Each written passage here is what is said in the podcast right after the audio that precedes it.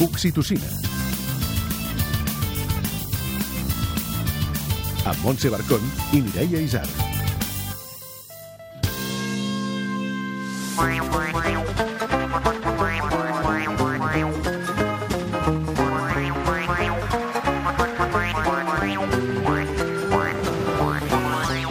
L'actriu Cristina Genevat la que ens contesta el qüestionari del tu tots tothom. Qui no s'ha sentit culpable quan deixava el seu fill o filla bramant a l'escola bressol? Ai, sí. O quan perds els nervis i alces la veu més del Ui. que toca? O quan no te n'adones no portes ni aigua, ni berenar, ni joguines, quan vas a buscar el teu fill? Res de res. En fi, les ocasions per sentir-se culpables són infinites i a més hi tenim afició. Ai, la sí, nostra mira. psicòloga de capçalera, Alexandra Mariner, ens ajuda a caminar més lleugers de culpa. L'Anna Cabré és doctora en Física i Cosmologia per la Universitat de Barcelona i participa en un projecte internacional per abordar la sostenibilitat del planeta que acabarà amb una expedició a l'Antàrtida que la mantindrà lluny dels seus fills un temps. Oh. Ha escrit un conte per poder explicar-los-hi i passa pel programa. Com sempre, tindrem l'humor del Xavi Cazorla al Maconi, el conte d'un minut de Montmas. Tot això i més a... L'Oxitocina! Tu, tots, tothom. Hola, sóc la Cristina Genevat, sóc mare d'una nena de 10 anys i d'un nen d'11 mesos i estaré fins al 22 de juny fent les noies de Mossbank Road a la sala Villarroel. Què no t'esperaves de la maternitat? El que més m'ha sorprès de la maternitat és que no hi ha diumenges, no hi ha descans. S'ha de fer cada dia. És molt intens, és molt bonic, però és molt intens. Explica'ns una anècdota. Una vegada la meva filla em va dir que li agradaria que fes pastissos o que fos pintora, perquè aquesta feina la podria fer a casa. Manual d'instruccions.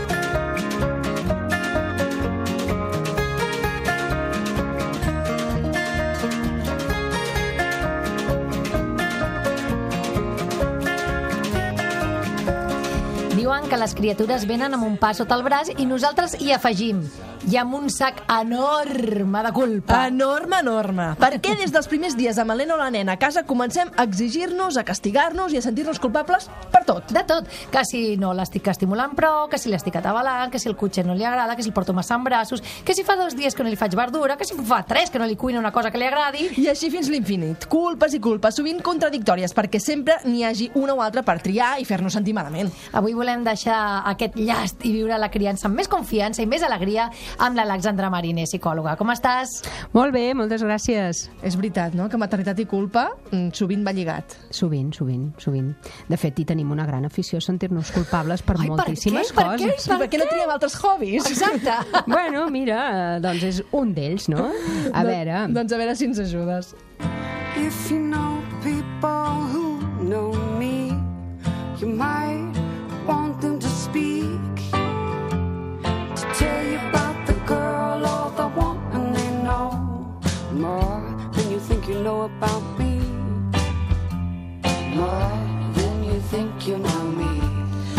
aquesta culpa?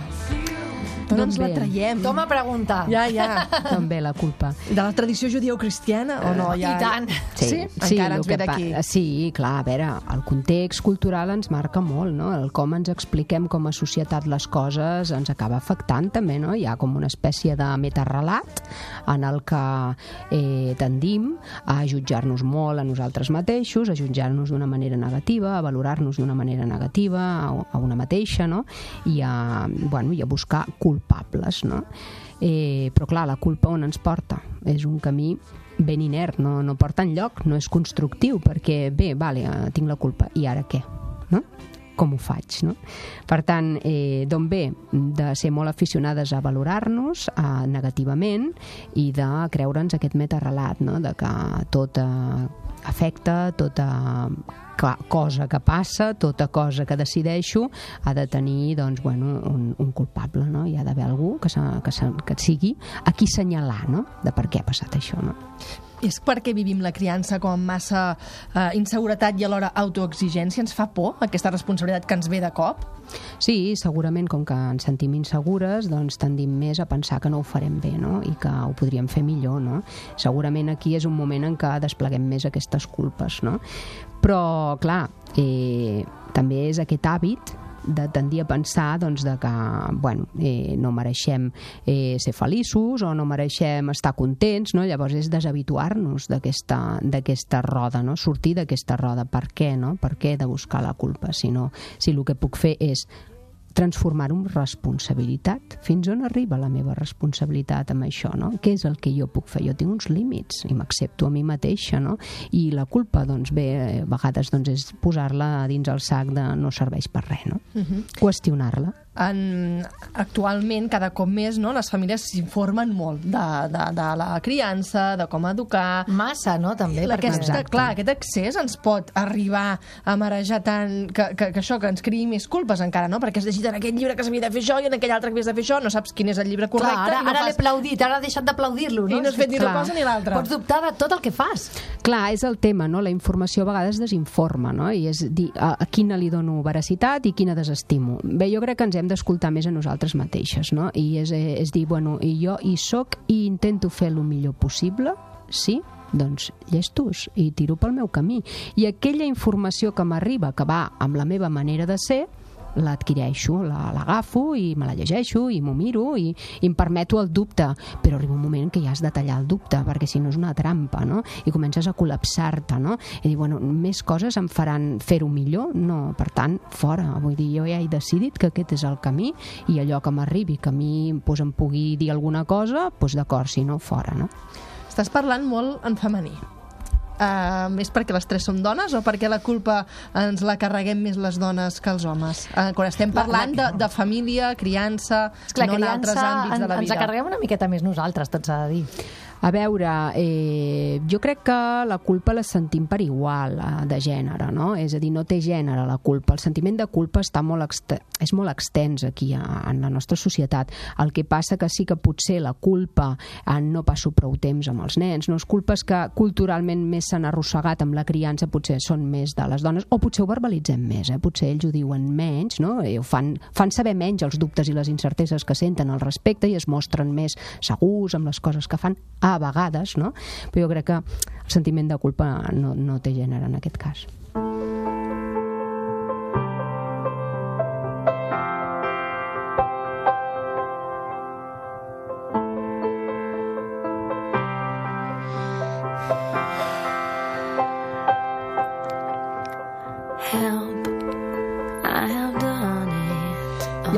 La culpa també de fora, no? En moltes ocasions es culpa els pares de certs comportaments dels nens o dels joves. Eh, fins a quin punt és atribuïble a la família certes actituds o, o comentaris que pugui fer, potser quan són nens molt petits ho és sempre, però quan a mesura que van fent grans, quan hem de també dir, més, una persona independent, l'he criada, però està prenent les seves decisions i no sempre seran atribuïbles a mi. Bueno, però això són, jo crec que atribuir la culpa ja tornem amb el mateix, no? O sigui, podem dir que... Repartir culpes, no? Clar, podem dir que la conducta d'un nen és culpa dels pares, home, jo crec que això ho hem de qüestionar. Hi ha molts factors que entren en joc, molts factors.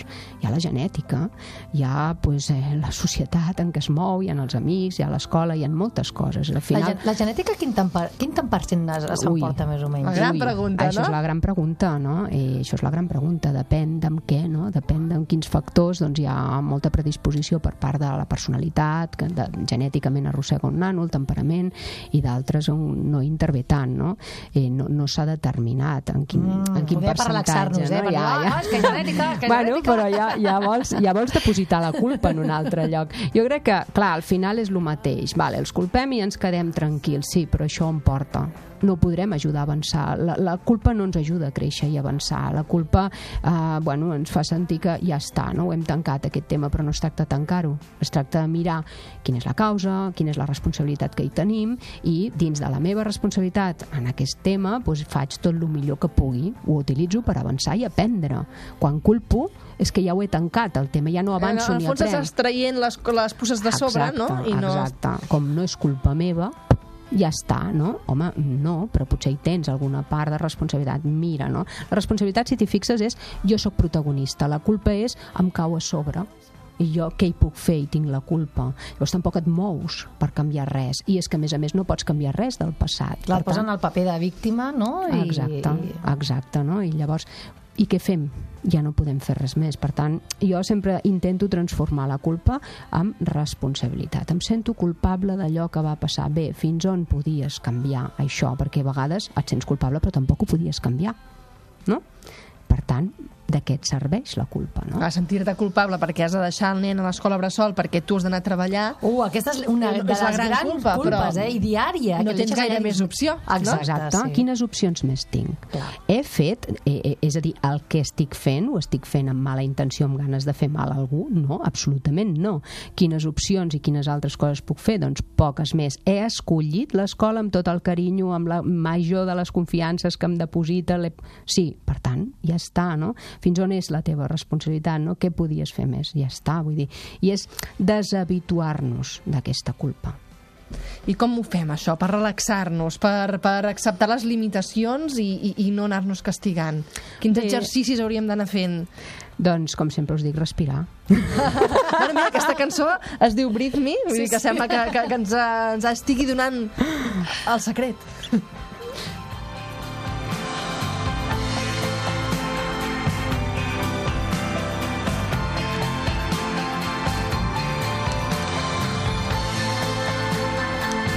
Ara no sentim la Cia cantar, però bueno, diu, diu això, que, rasca, que respiri. Sí. el diafragma puja.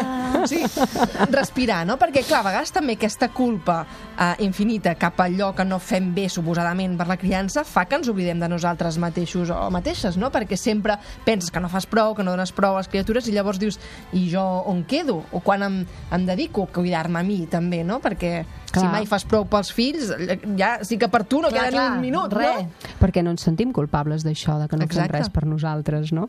A veure, eh, la culpa certament és bastant normal de sentir-la. El problema és quan ja és massa sovint, amb molta intensitat, que dura molt aquest pensament de culpa, no? O quan els altres ens volen llançar la culpa per fer-nos un xantatge, no? Llavors és una trampa en el que no podem caure, no? Doncs, tant amb els altres cooperaríem i diríem, doncs, eh, bueno, tu em senyales, però jo no m'hi sento, no? que això sigui una cosa meva, com amb nosaltres mateixos. No? S'ha de tallar aquest discurs de la ment autoflagelador no? i tirar endavant. No? Molt bé, doncs Alexandra Mariner, psicòloga, moltes gràcies un altre cop pels teus consells. Intentarem respirar Respirem, perquè així agafem espai no? i podem avançar. i estar convençuts de les decisions que prenem. No? Ah, I exacte. Això que dius, dius, no podia fer més? Doncs I que no passa res per equivocar-se, ho torno a dir, no passa res, Exacte. forma part de tot això, amics. sí. I tothom fa el que pot. És a dir, no criem com volem, sinó com podem I i, com bonament podem, no? Exacte, aquest és el tema, no? I si hi som, doncs ja fem tot el que podem, no? Doncs moltes gràcies. A vosaltres, com sempre.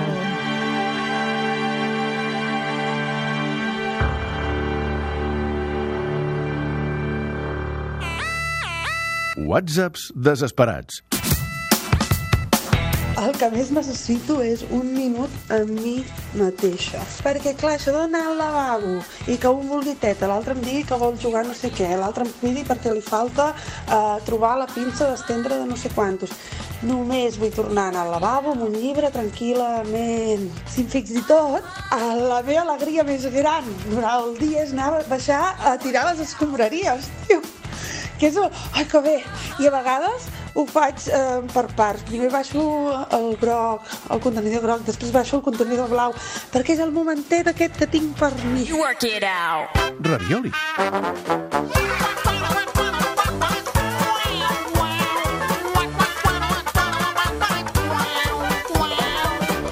Avui al Ravioli volem conèixer la història d'una exploradora, l'Anna Cabré.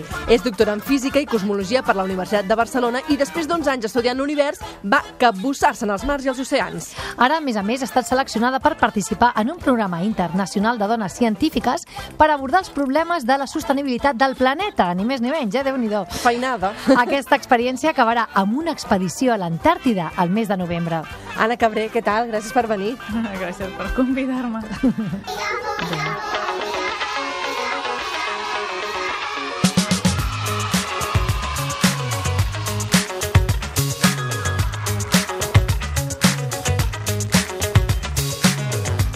Per què vas passar de l'univers als mars i als oceans? Doncs perquè mm, volia canviar de, Volia De canviar. medi. Volia canviar. De mèdic, exacte, sí. Vaig passar als oceans perquè vaig trobar la manera de fer-ho fàcil, però hagués pogut anar a parar a un altre lloc. Va ser una mica casualitat. Volia deixar de... Sí, volia deixar d'estudiar l'univers. En alguna entrevista dius que coneixem més l'univers que els oceans, a més a més. Sí, això em va sorprendre molt a mi al principi, perquè els oceans són super difícils de conèixer. És, uh, clar, l'univers està buit. Pots enviar mm, satèl·lits i costen molts diners, però és, però és fàcil, més o menys. I les teories són fàcils d'entendre. Mm, en canvi, als oceans hi ha turbulència, hi ha tal, hi ha animals, hi ha plantes, és tot com molt més complicat. Més fàcil d'entendre, però molt més complicat d'accedir. I això t'ha portat en aquest programa que es diu Homeward Bound. Com hi vas anar a parar i què és? Doncs és un programa per dones científiques, una mica per donar visibilitat a les dones, eh, que normalment no n'hi ha gaires en ciència, o si n'hi ha, van caient, Queden amagadetes. queden amagadetes i cada cop n'hi ha menys. Uh, o sigui que si vas a una conferència la majoria de gent important són homes sempre. És una mica per donar visibilitat, per parlar del tema i també um, per, per fer entendre que necessitem igualtat de gènere com una solució per tenir un món més sostenible. Que és, és un link que costa fer una mica, però és només posant més dones en les posicions de lideratge ja ho solucionaríem una miqueta. Per què? Vinga, desenvolupem-ho. Home, estàs aquí per parlar d'això. Un, perquè um, a més diversitat, més solucions. I la diver... home-dona som diferents per, per, per temes socials, bàsicament, perquè, perquè sempre... Bueno, perquè venim d'un món on els homes blancs ho dominen tot, doncs um, ho decideixen tot, pensen bastant igual. Si afegim una miqueta més de dones o de... No cal que siguin dones, però, bueno, sí, don, dona-home és, un, és un tema de diversitat. Després podem parlar també de tenir diferent riquesa, no?, de religions, de pensament, de... de, de, de. Nosaltres ens fixem en dona-home, que és un canvi bastant ja difícil. Bàsicament, més diversitat Quantes més mirades, millor, no? millors solucions. I a més és que les dones ja hi són, només falta que, que també estiguin Que a les parts de dalt més, i que no? es vegin més. Tot el que ens està explicant l'Anna és molt interessant, però us deveu estar preguntant que, per què li estem fent un ravioli, si és un Sí. espai per parlar de, de famílies, no? Parlem sempre de, de models familiars diferents. Doncs bé, l'Anna és aquí perquè també és mare del Pau i la Fiona i tu els hi vols explicar tota la feina que fas.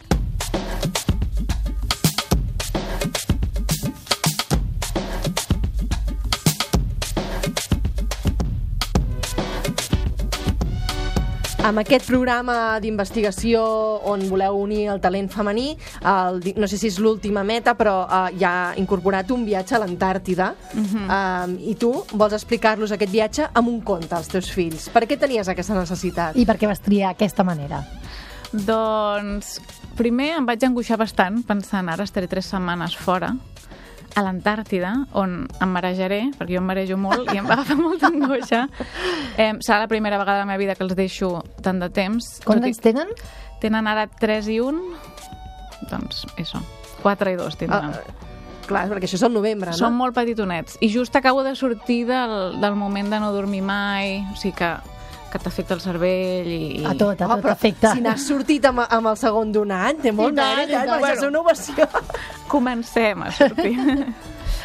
doncs una mica angoixa aquesta mama, ai, cervell de mama, de pensar, jo què hi faré les tres setmanes? I anar com... I vaig pensar, bueno, em tranquil·litzo una mica pensant que tindran una cosa, tindran un, un, un algo per, per comunicar-se amb mi, un conte. I aquest conte com va? Aquest conte està escrit Ja està escrit? i, i ara estem, sí, està en camí de- d'il·lustrador i tot això. Espero, bueno, la, la idea és tenir-ho a l'octubre i a veure, sí, sí, està, està, estamos en ello. Va més lent del que jo em pensava. El podran tenir a les mans abans que marxis, no? Sí, la idea és això, encara que sigui imprès a casa, De qualsevol i, manera. sí, i després buscar a veure si alguna editorial s'anima. Però sí, sí, està, està, estarà. Tota aquesta feina que fareu serà, com deia la Montse, per, per estudiar la sostenibilitat del planeta. Suposo que és una cosa que a casa, tot i que siguin petits, els intentes explicar i inculcar, no? perquè és el futur i el futur són ells. Sí, una mica gràcies a ells eh, m'estic posant molt en temes de, de comunicació, de visibilitat, perquè realment em preocupa el futur del planeta. I els hi vull ensenyar, um, sí, els hi vull ensenyar de, de primera veu i, actuar bé i, bueno, que ho vegin, no? i quan tens nens al costat, com que et fa més vergonya fer les coses malament, doncs aprofito. T'exigeixes més, Sí. O sigui, podria ser el primer d'una saga de, de contes que expliquessin una miqueta el medi ambient, potser als nens Sí, també el estaria medi bé, no? ambient i l'altra cosa que a mi em fascina és què fan les mames mentre um, no estan fent de mames. Perquè jo recordo de petita pensar, la meva mama fa de mama, la resta no és important, no? Clar. I clar, les mames pensem, ai, per favor, vull fer les altres coses. Bueno, hi, ha, hi haurà mames que, que no, però hi ha milions que és com, per favor, no? Una estona lliure per fer les meves coses. Eh, O sigui que el conte també és una reivindicació una mica del teu espai personal, professional, no? Sí, que també és donar-los que- exemple, no? Que lluites Exacte. pels teus somnis. són, sí, sí, total, sí, sí. Bueno, i que a més que vols canviar les coses, no? que a través de la teva feina uh, pots fer unes coses molt importants, que no és Exacte. només... I què anava a dir? Sí, anem allà, més que fer ciència, som totes científiques bastant, però anem a aprendre més la part de soft skills, que es diu, uh -huh. um, comunicació, visibilitat, tot això que en principi no t'ho ensenyen ni a la universitat, ni no t'ho ensenyen, per saber per ser més eficaços en transmetre informació a l'altra gent, perquè part del problema amb el medi ambient és que no se'n parla, no? O si se'n parla és molt... Bueno, d'acord. Ara hi ha les vagues aquestes dels Sí. divendres, però tampoc aquí a Catalunya no estan tenint molt ressò. no s'estan arrelant, no. Exacte, és de, ai, sí, fan una cosa allà. I per mi és com, és molt important. És que ho és! sí. Home, en el web, no sé si és de crowdfunding que tens, en un moment dius que estem en un punt de no retorn gairebé. Sí, sí, això està claríssim. I crec que tampoc, no, no ho acabem de... No, no ens Però costa. què vol dir un punt de no retorn? Bueno, que la Terra està modificada per sempre ja. Ara falta que intentem modificar, que sigui menys, però que, que ja està, que ja, que ja hem passat... Que el dany, que- el dany que l'hem fet és irreversible, però podem fet. aturar, això sí.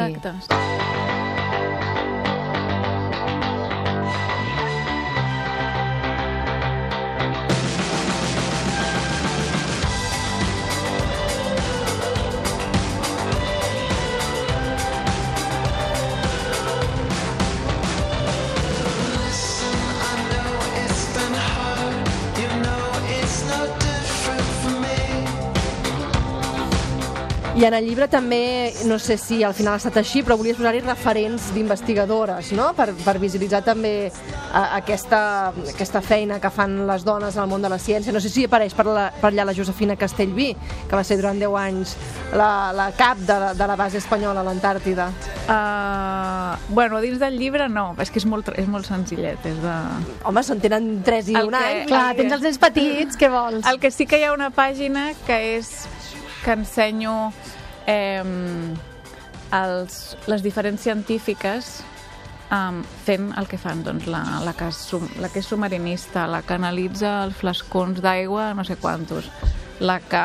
I la meva idea és que siguin dones, perquè són dones tot, i sense dir-ho, no? Com de, mira, són tot dones. I ja està, I normal. fan ciència, i hi ha molta ciència a fer. Bueno, sí, és missatgets molt fàcils, però sí. Amb la Josefina Castellví vam fer, una, vam fer un evento, no sé com se diu, Esdeveniment. un esdeveniment uh, amb honor seu a Madrid fa poc, totes les que són espanyoles del grup. Va ser molt xulo. Però ella no va poder venir, està ja... Està gran. Està gran. Ella té fills? Crec que no. No, no, justament en algunes entrevistes ha dit i la gent li preguntava aquest és el preu que has pagat? I diu, no, no és el preu, és la vida que he triat, sí que he trobat algú interessant, potser m'hi hagués Hagués tingut. casat, però Sí, no cal. no tothom ha de tenir fills, no? Sí. No, no, no, i tant que no. I uh, també he llegit que ara vivius, viviu la vostra família entre Catalunya i Alemanya, no sé si amb els, els nens això també, molts cops els fills d'investigadors això els hi passa, no? que són nens Clar. globals i que ara viuen en un, en un lloc perquè hi ha feina a la universitat i després a un altre. Això com, com ho porteu familiarment? L'escolaritat, Sí. els idiomes... Doncs va ser bastant difícil al principi.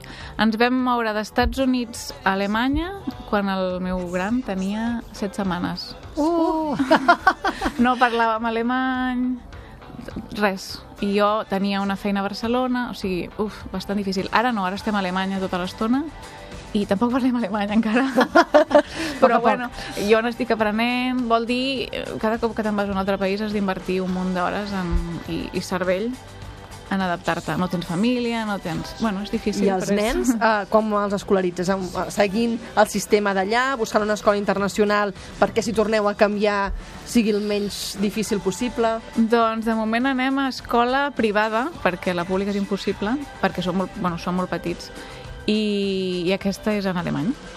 Um, I quan sigui pública, que és a partir dels 6 anys a Alemanya, doncs jo crec que pública Alemanya, perquè el meu marit és uh, d'Estats Units, parla anglès, per tant, ja, l'anglès ja el tenen, que és el que podria preocupar Clar. més, no? El català el tenen de mi, si venim aquí, I l'alemany us ensenyaran ells a, a i vosaltres? l'alemany Exacte. estem... Sí, jo estic fent classes molt cada dia i, i ells em contra sí, ja, ja m'ha guanyat. Doncs Anna Cabré, moltes gràcies, que vagi molt bé tota l'experiència del Homeward Bound, que són molts mesos encara, de, suposo de trobades, de recerca, Sí. per acabar a l'Antàrtida. Sí, sí, sí. Que ho disfrutis, bon, no bon et viatge, mereixis. eh? Bon viatge, bon viatge. I, I doncs res, quan tinguis el conte pel Pau i la Fiona ens l'ensenyaràs. Sí, sí, sí.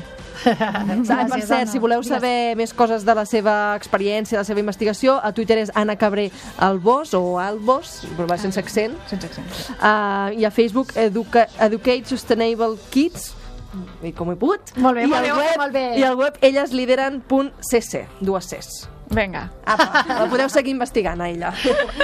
Gràcies. Gràcies. Adéu. La Coni. M'ha semblat que parlàveu del sentiment de culpa avui. Buf, aviam, d'aquest tema el més important és assumir i fer-se la idea que quan tens un fill el sentiment de culpa hi serà sempre, sempre! Des del minut zero, però del minut zero no vull dir quan neixi, no, no, des del minut zero vull dir al minut zero quan feu el predictor. Sí, amics, en aquest moment del Predictor ja comences a tenir sentiment de culpa perquè penses, l'estarem cagant? Estarem preparats? Ho farem bé? Tres preguntes, per cert, que t'acompanyaran els propers 72 anys de vida, més o menys. Però sentiment de culpa molt heavy a lo bèstia, eh? Jo vaig arribar a tenir sentiment de culpa quan vaig començar a pensar que em semblava que havíem engendrat a la meva primera filla l'endemà d'un casament amb ressaca. I pensava, a veure si en lloc de mon pa la meva filla naixerà amb una ampolla de Jagermaster sota el braç? O pitjor, aviam si em sortirà una Maciel. I amb la meva segona filla, que aquesta sí la vam concebre sense cap tipus de substància etílica, el cos també tenia una certa culpa a sobre, perquè la vam engendrar un estiu, i era Puigcerdà. I des de que va néixer por que em surti una mena de Kilian Jornet i que vulgui viure en una caravana aïllada i faci el boig per camins de cabres d'aquests que vés a saber el dia menys pensat cau cap avall. Però quan creixen la culpa persisteix, perquè, per exemple, l'apuntes a la guàrdia i només té un any i penses, hosti, i si ho estic fent massa d'hora? No seria millor esperar-me i tenir-la a casa un temps, que comenci la guàrdia més tard, quan pugui anar pel seu propi peu, o en els casos que la guàrdia és més lluny, que pugui anar en cotxe, en cotxe conduint ella. Pero ¿qué dices, perdices? Home, de veritat, és que no puc entendre que us sentiu malament quan les deixeu eh, pel matí a la guàrdia o al col·le i ploren com unes boges les vostres criatures. Si les que haurien de tenir sentiment de culpa són les meves filles per plorar quan les deixem a la guàrdia, en un lloc on els hi posaran musiqueta, els hi parlen amb tendresa, els donen menjar, les posen a dormir, les fan jugar. Home, que sóc jo el que se'n va treballar com un negre fent hores extres per pagar tots els bolquers, per favor. Si els teus fills no tenen sentiment de culpa quan et veuen marxar a tu de la guàrdia, jo encara menys. I si algun dia passa que el seu alto de veu no passa res, no us tortureu. És veritat que no s'ha de fer, però s'ha d'entendre que dormiu poc, que esteu cansats, no sou vosaltres en aquell moment. Penseu que aixecant el to de veu l'esteu curtint per treballar de tertulià a la tele, no sé, al Sálvame. Sabeu la pasta que els paguen els tertulians de Sálvame? Fora sentiments de culpa, home, li esteu donant un màster en tertulià. O si ens posem dràstics, per exemple, allò que els envieu a dormir i ploren massa, ai, ens hem de sentir malament perquè, pobrets, són molt petits. Escolta, els estàs regalant un hàbit de poder ser al llit 10 minuts més, i això va sumant, eh? Vull dir que si tu vas sumant 10 minuts, 10 minuts, 10 minuts, 10 minuts, quan tinguin 30 i pico d'anys, ells ho agrairan, perquè el son es va acumulant. Jo noto que els meus pares a vegades em portaven a dormir massa tard per pena o em treien del llit de seguida que plorava, i encara arrossego la falta d'hores de son, que això es va acumulant, estic destrossat. És que si a més, si ens posem tontos amb això de remordiments, estem fotuts, perquè que si li he dit que baixés ràpid del tobogan que havien de marxar del parc i per anar ràpid ha caigut de lloros i s'ha obert el genoll. Que si ara m'he de sentir culpable perquè li he fet verdura de sopar, ella no se la volia menjar, l'he obligat i pobreta ha acabat vomitant. Que si es desperta a mitjanit i li dic que a dormir i a callar i després resulta que pobreta plorava perquè tenia tot el llit vomitat que està malalta amb febre. Ara m'haig de sentir culpable també per això, que si marxem de cap de setmana i em deixo la bossa de les seves joguines a casa. a veure, si hem de tenir remordiments per tot, a mi em falten hores al dia. Que no passa res, de veritat, no us sentiu malament per coses dels vostres fills que sembla que no heu fet massa bé per tres raons. La primera, ells també ho faran quan siguin pares. La segona, ells ja us ho tornaran quan us tanquin en una residència. I la tercera, els vostres fills no us ho tenen en compte, us dic per experiència. El meu pare, una bellíssima persona, quan jo era petit, recordo que un dia, per l'entrepà del col·le, no tenia tomàquet per sucar el pa i em va fer l'entrepà de ketchup. Eh, i no passa res. O un dia, abans de marxar de casa, que em va fer el got de llet i li vaig dir, papa, això crema molt, i ell li va afegir aigua, aigua, a un got de llet. I no passa res, de veritat, que me l'estimo igual. Els vostres fills, doncs, segur que també. I si no, i si no, doncs, eh, busqueu el tiquet, que potser encara està en garantia. Contes d'un minut, amb Montmas. Hi havia una vegada una cosa blanca. A part d'això, res. Era rodona, dura i gran. Més alta que llarga. Sabeu què era? Un ou. I dins d'aquest ou hi havia una dona petita que amb tota la seva força va fer un forat a la closca. I va sortir amb molta il·lusió i molta cura per no embrutar-se el seu vestit nou, el seu vestit del primer dia. Darrere d'ella va aparèixer un home, també petit. I darrere l'home petit, una casa, petita, amb un jardí petit, on hi creixien roses petites i cols de Brussel·les. Una gallina petita, un petit gall, un gos i un gat. Després, un petit bosc, una brisa suau, el vaixell i una onada. I després, poc a poc, poc a poc, la resta del món. Una breu introducció. Así empezó todo, 34 historias sobre el origen del mundo. I ara l'Elisabet Pedrosa, de l'Ofici d'Educar, ens ha deixat un missatge. Com podem ajudar els nostres fills a fer servir les pantalles amb sentit crític? L'Anna Ramis, pedagoga i impulsora de la campanya De 0 a 3 Pantalla Res, ens ha explicat per què va engegar aquesta campanya. Doncs per l'alerta que molts mestres a P3 em diuen com arriben endarrerits les criatures de tonicitat muscular, d'atrevir-se a jugar a jocs de mobilitat al pati, de llenguatge, i analitzem què està passant, porto grups de pares i mares d'escola bressol i em diuen oi tant, el nen menja perfecte, no sap ni el que menja. Li posem la tauleta així que apareix el bol de farinetes. Això és tremendo. Per tant, estem dient alerta perquè digitalitzar la vida de les criatures precoçment, pensant que això els està fent un favor, és completament contrari. No cal començar abans. De fet, les tauletes o les pantalles digitals a l'escola podrien aparèixer ben bé a primària. A infantil, poques vegades ens fa falta o ens suma un plus de motivació les pantalles.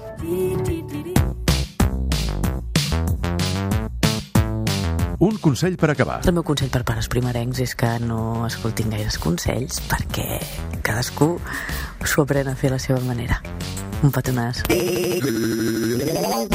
La dosi d'oxitocina setmanal s'acaba aquí.